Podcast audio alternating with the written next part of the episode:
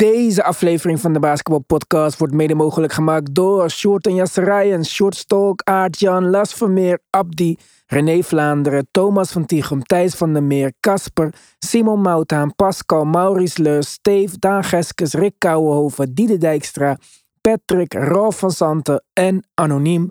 Speciale shout-out naar onze GOATs, Robert Huiltjes, Yannick Tjonga-Jong, Wesley Lenting, Robert Lute, Jan van Pinsberg, Tarun en Yannick, Samet Kasic en Myron. We gaan naar het laatste kwart van dit seizoen toe. En het wordt hartstikke leuk. Het is spannend. De groupchat is popping. Join ons daar. Join de DBP family. Ga naar petjeaf.com slash de basketbalpodcast of naar de basketbalpodcast.nl en kies luister op Petje Af. Extra podcast, toegang tot de groupchat. Wat wil je nog meer? Let's go!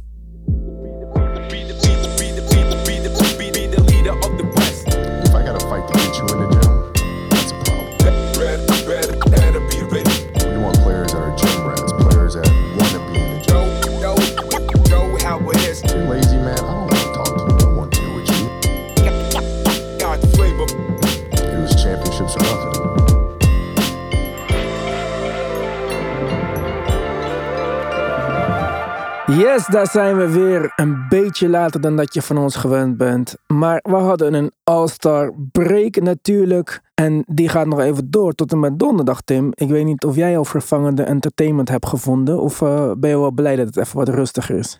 Eh, nou, nou, beide eigenlijk wel. Want dat stelt me in staat om eh, wat extra wedstrijden te gaan terugkijken van teams waarvan ik denk dat ik te weinig heb gezien de afgelopen tijd. Dus mooie gelegenheid. Niet even serie binge time of zo. Doe ik tussendoor. Oké, nou mooi. Ik hoop dat ik mijn slaaptijd een beetje kan verzetten. Normaal eh, pik ik nog wel eens een eerste helft mee van een wedstrijd. In de laatste tijd zelfs een East Coast hele wedstrijd. En als die er niet zijn, heb ik ook eh, die verleiding niet.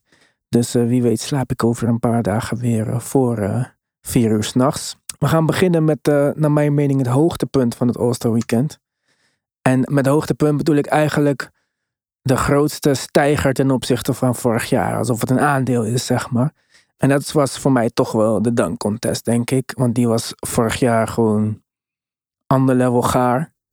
En met McClung heeft er toch nog iets van gemaakt dit jaar, zou ik eh, zeggen. Ja. Twee interessante dunks voor mij. Eh, die 540 zeiden ze, maar volgens mij was het niet helemaal 540. Ik wil geen uh, zijn. Maar het was gewoon een mooie dunk. Die tegen het glas vond ik mooi. Ik vond het al met al best een, eh, een, best een indrukwekkende dunk contest. Trey Murphy heeft nog zijn best gedaan. Ik vond de appearance van Grand Theft Alvarado vond ik een leuke toevoeging. Trouwens, niet te vergeten, die eh, luchtloze bal, de airless bal. Ik weet niet of eh, jij dat hebt gezien. Ja, die heb ik gezien. Bij Kenya Martin bedoel je? Ja, bij Kenyon Martin. Ja. Ik heb het even opgezocht en eh, Wilson is bezig met experimentatie. Ze zijn al jaren bezig om deze verhoudingen zo goed te krijgen. Om in ieder geval die bal het juiste gewicht en de juiste bounce te geven. Dat was allemaal super ingewikkeld. Omdat ze materiaal nodig hadden wat de goede energie kon teruggeven en zo. Maar anyway, ik dacht ik ga gelijk googlen. Ik wil er wel eentje kopen. Ik wil kijken hoe het gaat. Maar eh, die zijn nog niet beschikbaar voor ons normale mensen. Met McClung ook bijna een perfect score. Was het niet dat Lisa Leslie zo nodig eh, niet een 50 wou geven. Lisa Leslie, de eerste dunker in WNBA history. Daarom zat ze misschien daar. Dat waren haar credentials in ieder geval. Eh, ze is 1,96 meter. Met McClung is 1,88 meter. Ik denk dat er een beetje jaloezie bij komt kijken, Tim. Want eh, die eerste dunk dan van haar in WNBA, dat was een bijna erin dunk. Met één hand. En met McClung, die 10 centimeter kleiner is, eh, springt over haar heen als het moet. Dus eh, dat vond ik een beetje petty. Ja, en het viel me op, want eh, ik had mijn pijlen vooral gericht op Karl Malone. Want die zat ook lekker lage scores te geven Zo. als het best wel nice ging. Dus eh beetje jammer. Maar in dit geval was hij niet, niet de boosdoener. Ja, ik, ik- wat mij betreft inderdaad wel ja, een heel klein zuurpuntje op... wat mij betreft een ja, echt een fantastische performance van Mac McClung. Ik vond echt... eh, hij heeft de dunk, deze editie in ieder geval van de dunk contest... ondanks dat ik denk Trey Murphy het ook echt wel leuk deed... was het wel... eh, je merkte het ook aan de reacties. Ik bedoel, dat kun je meestal al, al gauw... eh, in mijn geval ook aan mijn eigen reactie... maar ook als je de, ook als je de samenvatting kijkt... of als je het live aan het kijken was... het stadion veerde op bij zijn dunks. Ze waren allemaal goed. En het, is echt een, het was en is nog steeds een spectaculaire dunker, die jongen.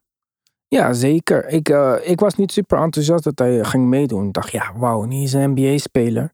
Maar dat ja, maakte helemaal niks uit op de betreffende avond.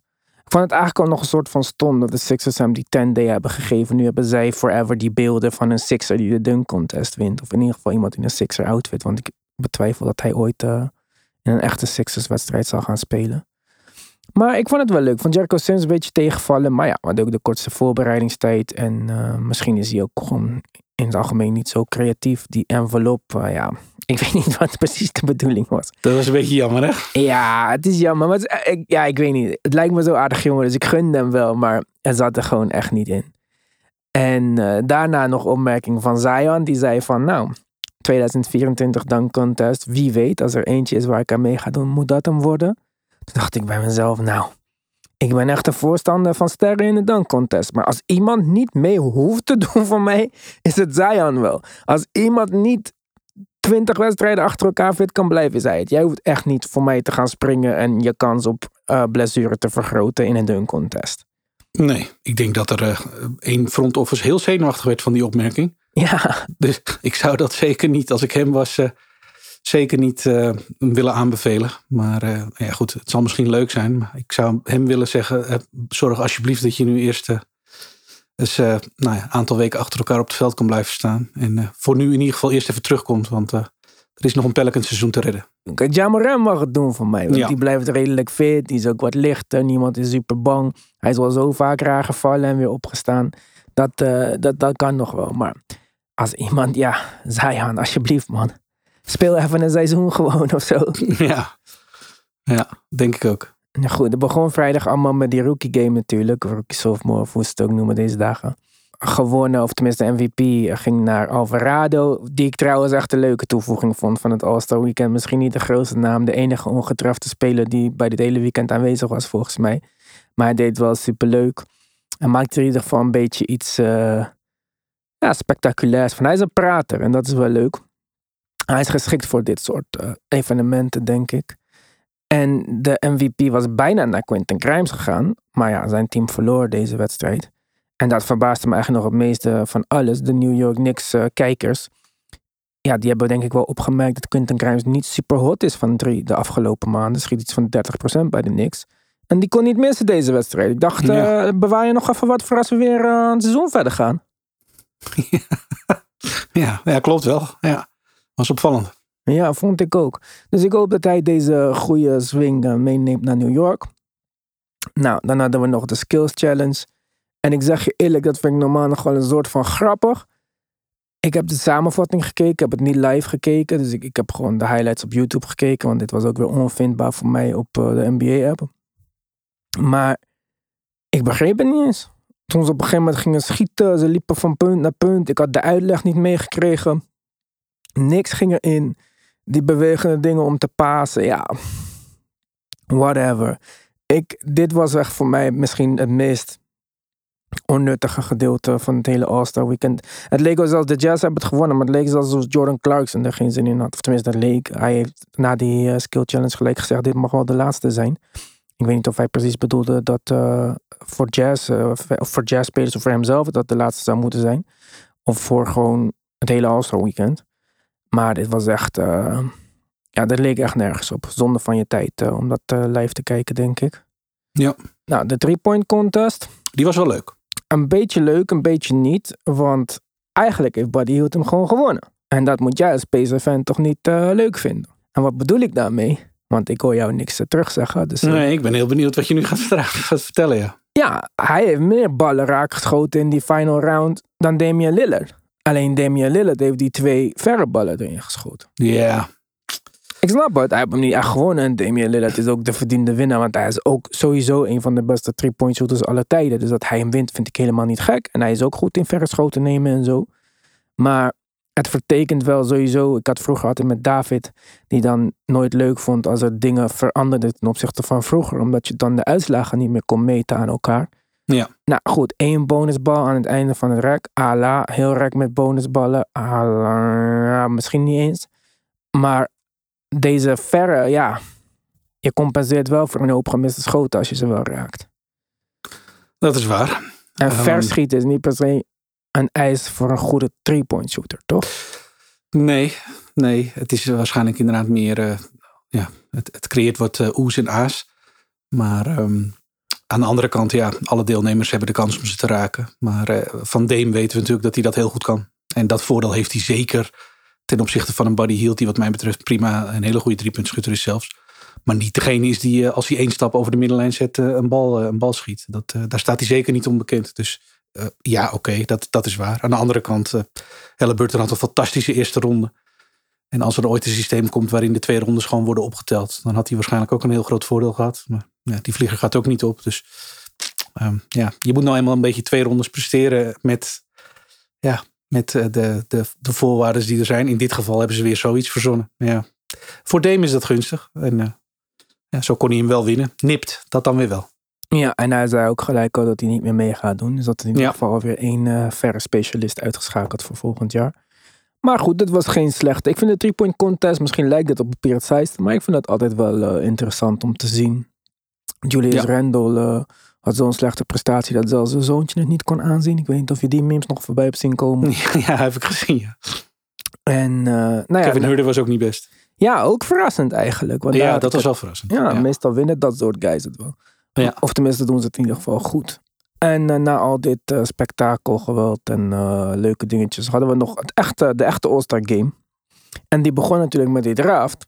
Dat was voor mij eigenlijk, voordat dit begon allemaal, de leukste toevoeging, dacht ik. Omdat die drafts over het algemeen, zoals we ze in de laatste jaren hebben gezien, altijd wel wat leuke clipjes opleverden. Toch? Als die over Harden, van ik zoek een guy die wil pasen en dat soort dingen. Ik dacht, nou, dit voor de wedstrijd wordt dan nog spannender met iedereen erbij. Nou, dat was me toch even een partijtje saai. Ik vond het echt helemaal niks. En. Ik heb het nog eens een keertje gezien zonder breaks ook. En zelfs zonder breaks duurde het al 27 minuten. In het begin praten nog Barkley en Shaq er doorheen. Stond ik er helemaal niks van. Ik weet niet of Jannes een fout maakte of een grapje door Jamorant te draften. eh, als de reserves. Trouwens, waarom worden de reserves als eerste gedraft? Het was ook super anticlimactisch. En als je ervan uit zou gaan dat je dit wil winnen, dan wil je toch eerst weten wie je starters zijn om zodoende je team aan te vullen met reserve. Goed, het ging uiteindelijk niet om winnen, maar nee, nee. Dit was hem niet voor mij. Ik had echt veel meer verwacht. Ik had gehoopt dat het op het veld zou zijn.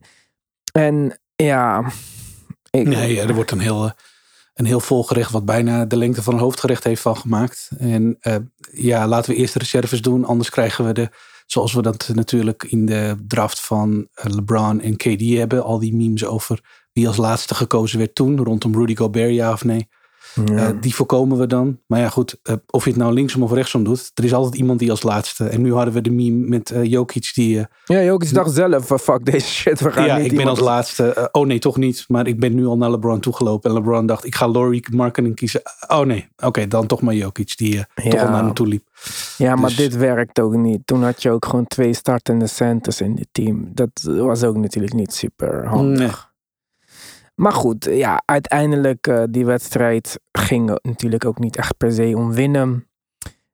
Kijk, ik, ik wou deze uitzending positief houden en ik ga hem ook zeker positief afsluiten en al dat soort dingen. Maar dit was wel, denk ik, ik ben al niet de grootste fan van de All-Star Game. Maar dan was dit nog waarschijnlijk de meest teleurstellende wedstrijd die ik ooit heb gezien normaal gesproken zie je dat ze tegen het einde van de wedstrijd of na de eerste helft een beetje gaan spelen.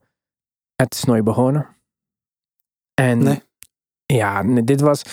ik- Ik vond het gewoon, ja, dat was echt niet goed. Dat zei ook Michael Malone, zei na de wedstrijd: It's the worst game ever played. Jalen Brown zei: Dit was een glorified layup line. En het was hem gewoon niet, Tim. Eh, ik, ik snap dat het misschien niet helemaal voor mensen als jou en mij is. Maar ik denk ook dat de 16-jarige Iwan, toen ik nog enthousiast was over dit soort dingen, het ook niet echt leuk had gevonden. Want ja, het was niks. Er zat geen spanning in. Het hoeft niet per se super hard defense te zijn of zo, maar een klein beetje spanning, toch? Inderdaad, een glorified layup line is wat mij betreft echt de beste omschrijving. Iemand met de bal in zijn handen rechtstreeks naar de basket gaan lopen zonder dat er ook maar iets gebeurt. Waar in het verleden jongens als Vince Carter of eh, leuke dunkers dan nog wel eh, hele gekke dingen doen. Ja, nu heb je Ja Morant. En eh, LeBron deed één keer wat leuks off the backboard. Ja, maar die off the backboard was ook niet zoals die Tracy McGrady off the backboard. Want die was in traffic toen Die- nog een beetje ja. verdedigd werd. Dit was gewoon van, oké, wat tegen wie was het Donovan Mitchell? Eh, ja, Ja, die keek niet eens. Ja, hij keek een beetje, maar boeide hem niet eens dat LeBron langs hem ging. Nee, nee, nee. En we hebben later Vince Carter gehad, die deed hetzelfde. En dat was ook in Traffic. Dat zijn allemaal eh, inderdaad leukere. En dan heb je natuurlijk in die edities ook de, de, het, de eindes gehad die wat spannender werden. En dan werd er echt wel serieus verdedigd op een gegeven moment. En dat, dat maakte gewoon dat als je, ik neem aan, dat kan ik wel invullen. Als je dan het stadion uitloopt of je zet je tv uit. Ja, dan is dat laatste deel staat je het meest helder, helder voor geest. Dus dat is wat het leukste was. En nu in de wedstrijd gebeurde er wat mij betreft al te weinig. Het leek inderdaad gewoon een, een, een training waar je, naar, waar je naar zat te kijken. En ja, werd het nou nog spannend? Nou, ook niet echt. Het was eh, wachten tot eh, het puntenaantal werd bereikt, waar ook uh, weet ik veel pogingen voor nodig waren. Nooit zag je bij spelers een bepaalde mate van interesse, intensiteit, zelfs misschien wel lol. Ik zat, ja, full disclosure, ik heb die uh, Rookie Challenge later uh, terug zitten kijken. Uh, vandaag volgens mij zelfs nog. dus ik zat die All-Star Game daarvoor te kijken. En in het eerste kwart hadden ze Luca die, dat oortje ingedaan. Ja, dat was echt verschrikkelijk. Ik, ik wist niet wat ik zag. Ik denk, is dit nieuw? Heb ik iets gemist? Dit, dit is niet om aan te zien. Ja, het was echt slecht. En het was ook niet, dit is niet de speler. Je zag duidelijk dat hij er geen zin in had.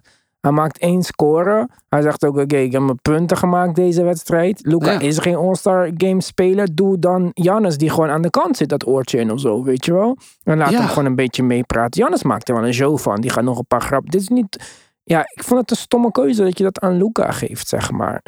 Hij zat de hele tijd aan zijn oren ook. Hij moest dat hele tijd dat ding terugdrukken.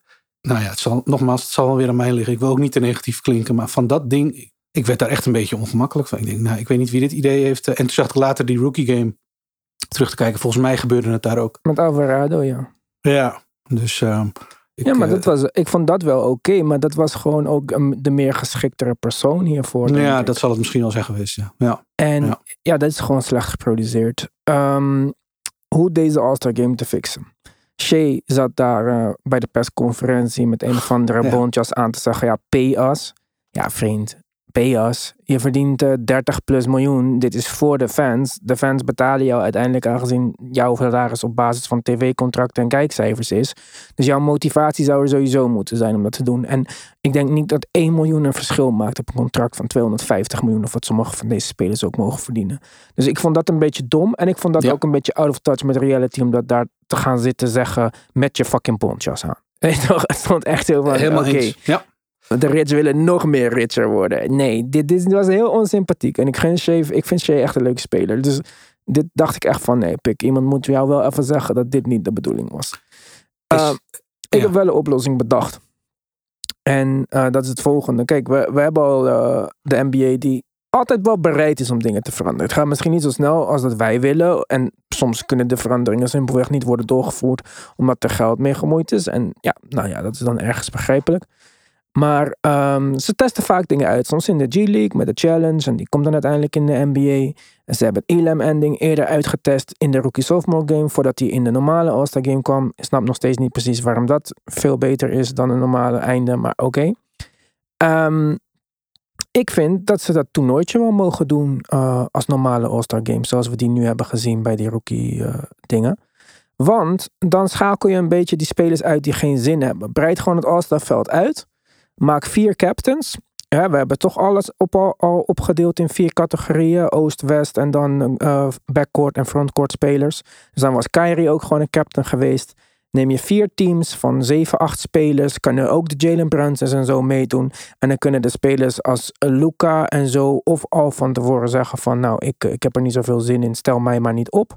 Of die gaan er in de eerste wedstrijd uit. En dan krijg je dus wel een laatste wedstrijd met bijvoorbeeld een Jason Tatum en een Donovan Mitchell en een Anthony Edwards. Die wel zin hebben om er iets van te maken.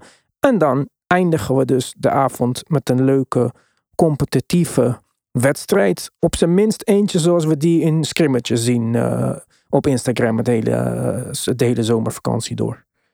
Dat leek mij eh, de beste oplossing. Ik vind het eh, leuk. Ja, we gaan ik eh, nooit snap de gedachte erachter wel. Ik denk dat het sowieso wel tijd wordt eh, dat er, eh, dat er iets mee gedaan wordt. Want ik denk dat de kritiek die er nu op de, op de Game is, die is denk ik niet helemaal nieuw. Ehm, en ja, ik vind dit wel een leuke setup. Eentje die we dus al kennen, is ook wel belangrijk. Ehm, we hebben dat voorbeeld nu gezien bij, eh, ehm, bij de rookies, bij de sophomores. Ja, ik denk dat het wel een goed idee is. Ja, en dan, dan heb je gewoon inderdaad dus die teams die overblijven. En die spelers weten ook wel onderling van elkaar dat eh, Luca en zo geen zin erin hebben. En Jokic en dat soort dingen. En dan heb je dat gedeelte een beetje gefixt. We moeten ook gewoon begrijpen, want kijk, ik kan wel willen wat ik wil. Ik kan wel willen dat iedereen voluit gaat spelen in een All-Star Game. Maar sommige dingen gaan gewoon niet veranderen. Tim Duncan heb ik ook twintig jaar naar moeten kijken. En die kwam dan elke keer vijf minuten spelen en een All-Star Game plek innemen van iemand. Ja. En uiteindelijk niks, eh, niks willen doen. Dus laat die guys dan gewoon daar aanwezig zijn, zwaaien als ze willen. Maar dan En- moeten we meer All-Stars selecteren. Meer All-Stars. Ja, waarom niet joh? Jalen Brunson had echt wel zin gehad om hier te spelen hoor.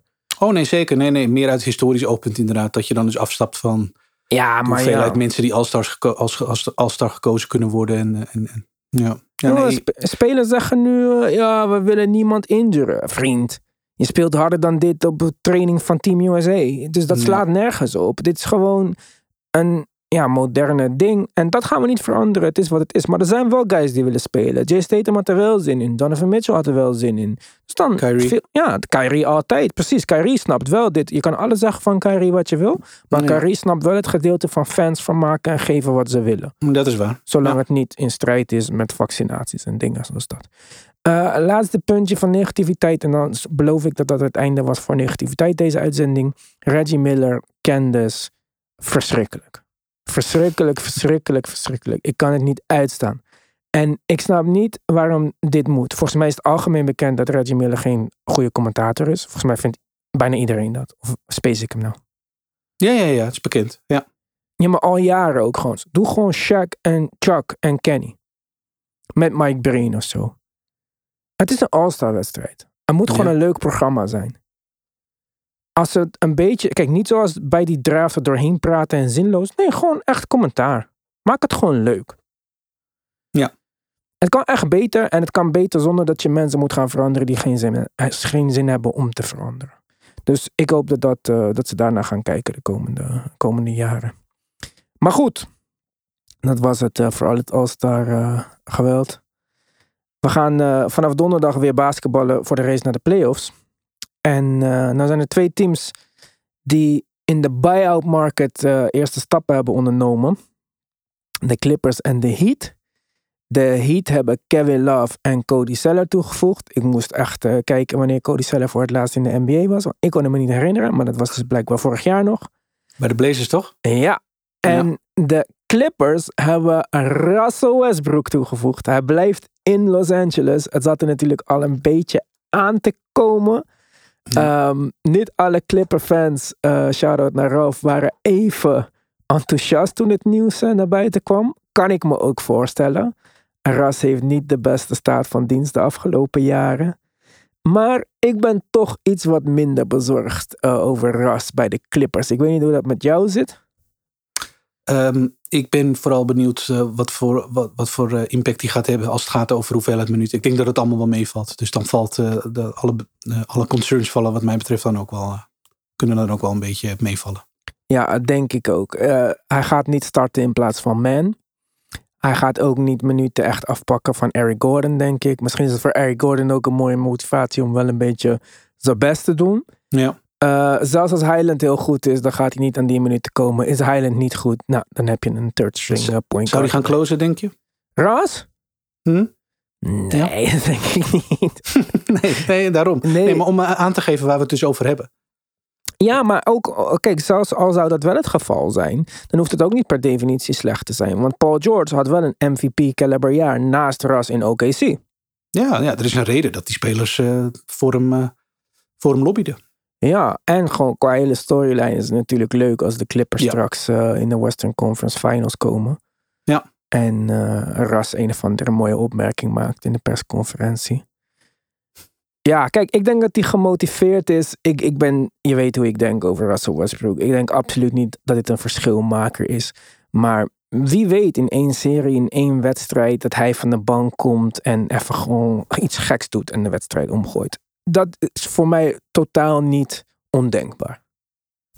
Dat is denk ik ook waar je, waar je maximaal op mag en kan hopen. Dat hij eh, in de beperkte minuten die hij krijgt of de mogelijkheden, dat hij eh, leuke dingen doet.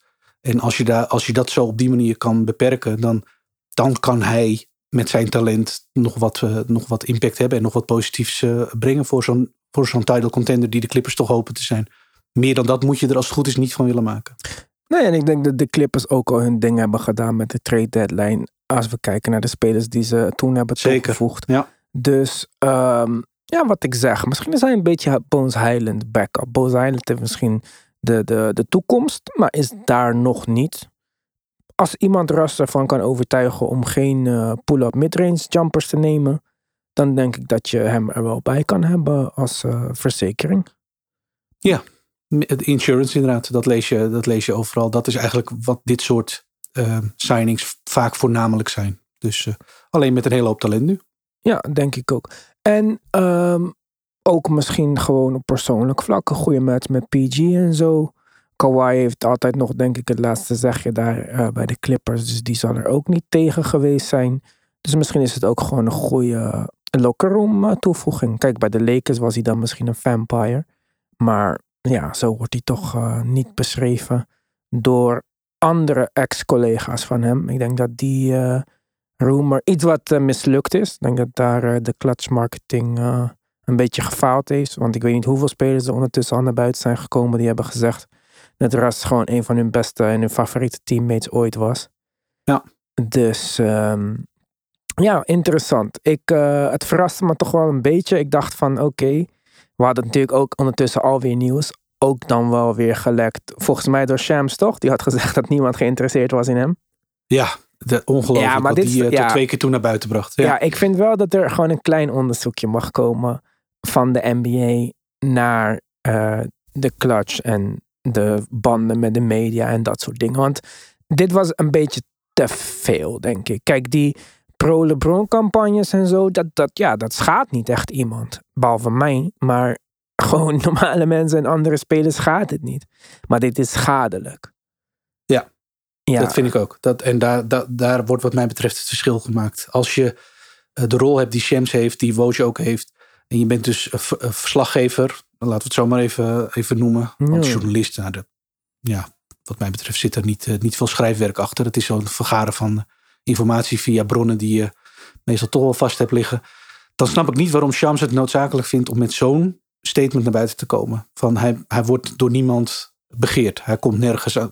Hoezo niet? Wat, wat, de andere signalen die we kregen waren de, sloegen er in ieder geval op dat hij met meerdere teams gesprekken voerde. Hij mocht blijven bij de Jazz als hij wou. Ja, dat, dus wat ben je aan het doen dan? Dan ben je inderdaad een campagne aan het voeren tegen. Dat is een soort lastercampagne.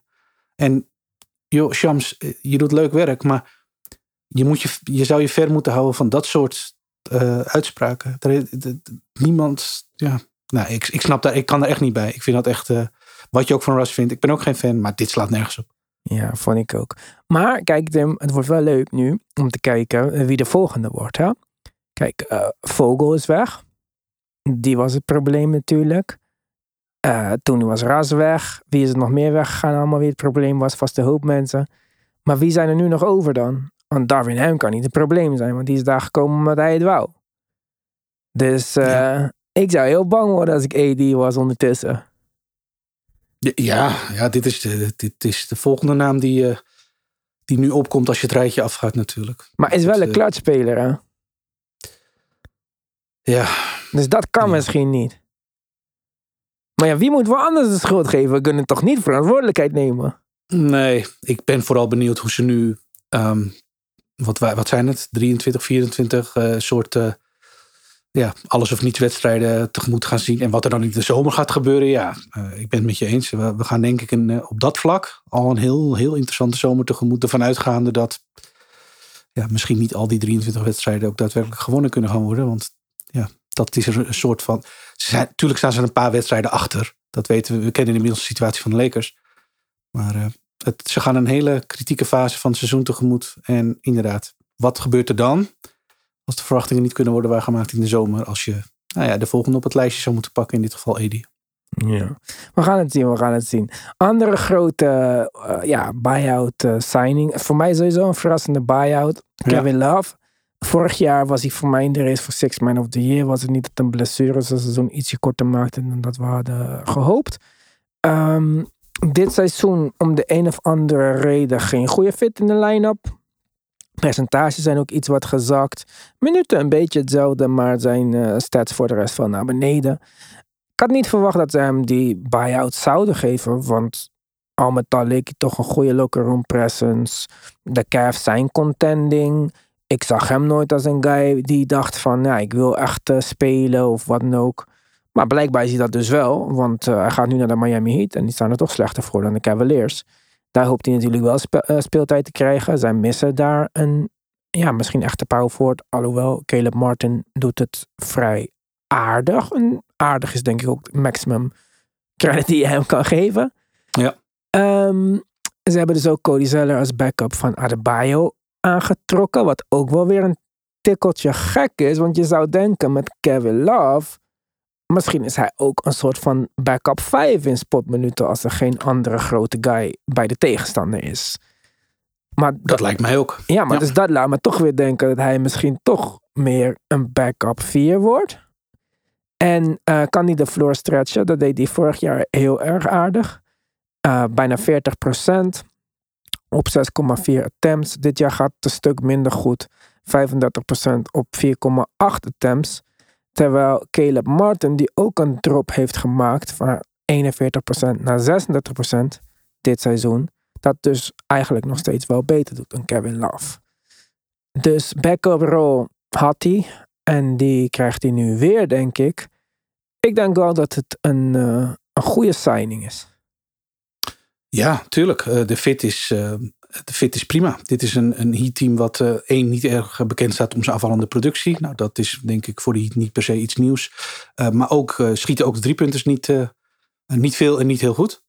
Dus nou ja, dat is wat Kevin Love hopelijk brengt in spotminuten. Hij kan in ieder geval rebounden en schieten. Ik denk dat grote vraagtekens is defense is natuurlijk. Dit was misschien wel het begin van het probleem in Cleveland. Uh, ze zagen dat dat uh, steeds meer uh, nou ja, een soort van liability werd, werd aan het worden was. En Cleveland verdedigt dit jaar als team heel goed. Um, dat bracht zijn minuten al terug. Hij schoot nog eens niet zo goed als dat hij deed. Ja, dat maakte dat hij daar helemaal toen Dean Wade weer terugkwam. Die was al lang uit. Ja, maakte dat ze in Cleveland dachten... we, gaan, we maken eigenlijk de keuze om je nu echt buiten de rotatie te houden. En dit is wat hij in Miami hopelijk op aanvallend vlak in ieder geval wel kan brengen. Ik denk dat het ook meteen de reden is dat hij, neem ik tenminste aan, geen extended minutes zal gaan maken. Omdat, ja, tenzij hij er opeens verdedigend een stuk beter uitziet. Maar dit, hij werd verdedigend wel minder en minder. Ja, dat, uh, dat zeker. Maar ja, is hij ooit echt een verdedigende stelje geweest? Ook weer niet, denk ik. Nee, nee, nee. Maar je moet je gewoon, je, hoe noem je dat? Je moet gewoon een beetje overeind kunnen blijven. Um, zeker, zeker één tegen één. En ik denk zeker bij Miami ook. En als dat zo is, hij moet geen liability zijn. Dat is denk ik voornaamste, voornaamste taak voor hem op zijn leeftijd met zijn, uh, met zijn skillset. Ja, op zijn leeftijd. Hij is 34. LeBron is vier jaar ouder. Ja, maar ja, LeBron is, LeBron is een freak athlete. Ja. Ik denk, uh, wat hij doet, uh, kunnen er heel velen niet. Um, maar goed, nogmaals, als Kevin Love in spotminuten een beetje kan gaan schieten daar, als zijn, als zijn percentage wat kan stijgen ten opzichte van, uh, van wat hij tot nu toe dit seizoen liet zien. Kijk maar even naar vorig seizoen, toen het stuk zoveel beter ging. Dit was denk ik ook de reden dat voor veel mensen deze buyout ook een beetje als een verrassing kwam. Want natuurlijk heeft het, uh, Kevin Love slechte, slechte periodes gekend met Cleveland. Maar de laatste tijd ging het goed. En vorig jaar was hij ook goed.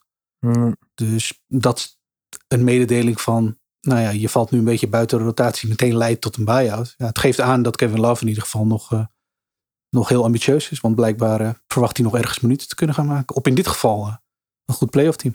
Ja, wel positief erg is dat hij gewoon ook echt minuten wil maken. Dat hij zoiets heeft van nee, ik wil gewoon nog spelen. Dat Misschien nog wel tegenover Cleveland in de playoffs. Ja, dat bijvoorbeeld.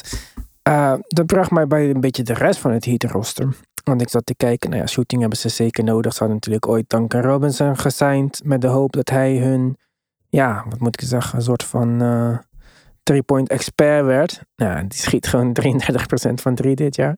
Dus daar heb je niet zoveel aan. En toen dacht ik, hé, hey, hoe gaat het met Lowry? Hoeveel zie ik hem nou echt in actie? Ja. Dus zonder dat je het gaat controleren, hoeveel wedstrijden denk je dat Kyle Lowry heeft gespeeld dit jaar? Oh. Gewoon een gok.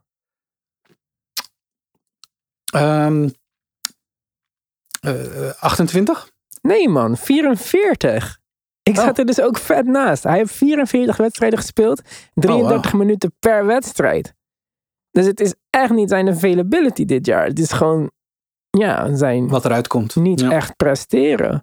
Hij heeft dit jaar 12 punten, 5 assists, toch nog een steal, 4 rebounds. Hij schiet eh, 40 niet eens procent van de field en 33 procent van 3.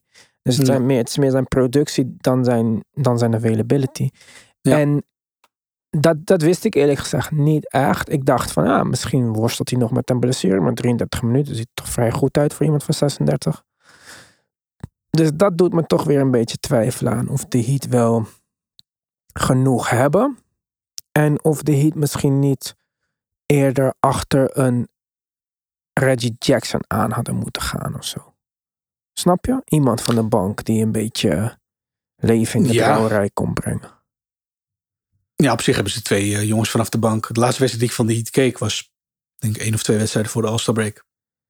Speelde Kyle Lowry ook niet. En speelde ze met de backcourt van Gabe Vincent en Max Strus. Ja, dat zijn natuurlijk twee jongens die het eh, niet alleen dit seizoen, maar al, al een paar seizoenen fantastisch goed doen daar. Dus ja, op zich hebben ze hun starters zelfs voor. Als Kyle Lowry er niet zou zijn of als hij ehm, nou ja, misschien een wedstrijd niet zo goed speelt. Ik weet niet, of, ik kan me voorstellen dat in de playoffs dat hij het vertrouwen wel krijgt. Maar stel je voor dat hij geblesseerd raakt. Hmm. Ja, dan is de backup eh, met waarin Gabe Vincent point guard speelt en Max Strus daarnaast. Ja, die is natuurlijk al gevonden, dat backcourt. Ja. ja, het wordt interessant om te zien wat Miami doet. Het is toch natuurlijk bij uitstek een playoff team en niet een eh, regular season team. Dus ik ben wel benieuwd. Ik ben benieuwd of eh, Jimmy weer nuclear kan gaan in de playoffs.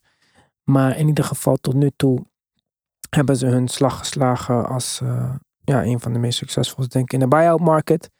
We zagen Carmelo Anthony nog bij, eh, bij het All-Star Weekend aanwezig aan de kant zitten met Dwayne Wade. Ik vraag me af of Carmelo nog een plekje krijgt ergens dit jaar. Wat denk jij? Ik hoop het wel voor hem. Ik heb nog steeds de overtuiging, dat is trouwens wel echt, eh, dat is wel echt zo, dat hij absoluut iets kan betekenen. Weliswaar beperkt, maar voor, eh, voor teams, ook voor teams die nog playoff hopes hebben. Daarom heb ik eigenlijk nooit echt begrepen waarom hij tot op dit moment ja, ook nergens binnengehaald is. Want ja, ik kan me toch niet voorstellen dat het heel moeilijk is om hem binnen te halen. Nee, ik denk ook dat hij graag zou willen spelen. Ik heb genoeg filmpjes voorbij zien komen dat hij nog eh, zegt van eh, ik ben aan het trainen, ik ben fit, la la la la. En als ik kijk naar zijn stats van vorig jaar, 5,8 attempts van 3 per wedstrijd, 37,5%. Dat jaar daarvoor 40% op bijna 5 attempts.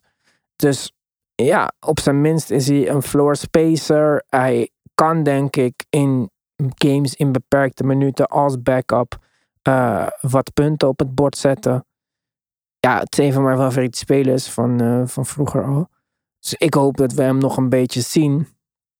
Het lijkt anders een beetje op een kaars die wel heel eh, ja, langzaam uit is gegaan. Waar zou je hem het liefst zien? Ja, bij New York. maar daar gaat hij niet spelen, want Tips geeft hem nul minuten. Ik wou net zeggen, waar het ook een beetje past, zeg maar. Ja, misschien. eh, kijk, als ik dan zie dat Kevin Love deze kans krijgt van de Heat, denk ik dat Carmelo daar beter had gepast. Ik denk eerlijk gezegd dat Carmelo nog meer te bieden heeft dan eh, Kevin Love. Oké. Oké. Misschien niet qua rebounding. En misschien is Kevin Love ook een vijf optie en Carmelo niet. Ja, waar zou ik hem dan nog liever willen zien? Nou, Denver dan, hoor. Maak er een mooi verhaal van. Ja. Breng hem terug Ja. naar waar hij gedraft is. En eh, ik denk dat Denver, ja, zou ze hem kunnen gebruiken. Michael Porter Jr. wordt een van deze dagen toch waarschijnlijk weer geblesseerd. Waarom niet? Ja. Ik heb nog wel een leuke trivia van Kevin Love. Oké. Kevin Love is een van de vier spelers in de historie sinds de driepuntlijn eh, in het spel is. En dat is sinds eh, 1979-80. Mhm. Die meer dan 35% van drie schiet over zijn carrière. En meer dan 10 rebounds gemiddeld per wedstrijd pakt. Dus maar vier Ja, spelers. Dit is dus voor de duidelijkheid, het zal je niet eh, ontgaan zijn, geen wild of eh, gekkigheid. Ja. Allemaal eh, redelijk recent. Ehm, twee andere van die drie spelen nu nog. Dus die meer dan 35% van drie schieten. En meer dan 10 rebounds over hun hele carrière per wedstrijd pakken. Eh, Zo, dat vind ik wel eh, ingewikkeld. 10 rebounds per wedstrijd, dat is het moeilijkste gedeelte. Welke big pakt er eh, redelijk rebounds en kan ook nog wel schieten? Jokic? Nee. Nee, die hebben, hebben die geen 35% van drie zeker? Ik denk dat dat het is, ja. Hmm. 35% van drie en 10 rebounds.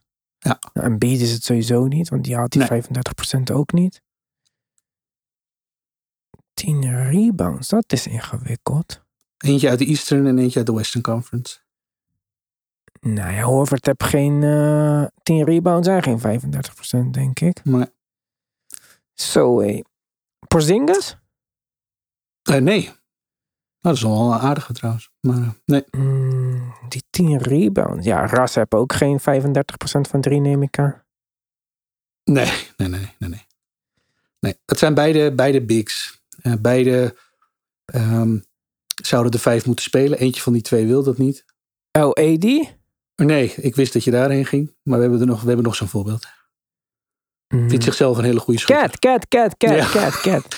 Die leidt trouwens 39% van drie over zijn carrière en 11,2 rebounds. Hmm. Vrij heftig. De andere eh, speelt in de Eastern Conference. Is ooit, als ik me niet vergis, in de Dwight Howard trade, trade betrokken geweest. Welke Dwight Howard trade? Die eh, Dwight Howard trade waarmee Dwight Howard van, eh, was het van Orlando naar de Lakers ging? Phew, weet ik niet. Het is vet lang geleden, man. Nee, ik heb geen idee, zeg het maar. Nikola Vucevic. Oh ja, natuurlijk. 35% van drie, 10,5 rebounds per wedstrijd gemiddeld over zijn carrière. Vooralsnog. Oké, niet slecht. De laatste was trouwens Larry Bird, maar eh, die liet ik even voor wat het is. Oké. Oh, wel grappig dat Woods nog in eh, zo'n categorie meedoet. Aardig hè? Ja. Ja, zeker. Zo hé. Ook best wel netjes van Cat eigenlijk. Want die schiet toch niet zo goed de laatste afgelopen seizoenen van drie. Nee, ik denk dat hij dat, eh, daarvoor eh, dat percentage redelijk hoog gehouden heeft. Ehm, Ja, eh, het gaat overigens over minimaal 100 attempts genomen. Nou is dat op, voor sommige carrières natuurlijk al gauw te bereiken als je weet ik veel hoe lang in de NBA speelt. Ja. Maar het geeft wel even aan dat het ook weer niet zo is dat er spelers tussen zitten die misschien, misschien twee keer per seizoen een driepunter nemen en eh, Ja, ja, ja. leuke percentages omhoog weten te houden. Dus dit zijn wel echt eh, spelers van wie je weet. Nou, dat weten we ook. Cat doet het, eh, doet het goed. En, Ja, maar Cat schiet dit jaar 30% van drie of zo. Ja, maar is ook al heel lang geblesseerd. En Ja. ehm, won volgens mij vorig jaar nog de driepuntwedstrijd. Ja, dat zou kunnen. Oké, oké. Nou, leuke trivia. Ik had hem zeker niet genomen voor de 1 miljoen laatste prijs. Maar eh, goed, we zijn er eh, donderdag weer natuurlijk. Want eh, ook al is er geen basketbal, het komt niet zomaar van ons af. Voor nu zeg ik bedankt voor het luisteren. Maak er een mooie week van. En we gaan bijna weer basketballen. Tot Yes. ziens.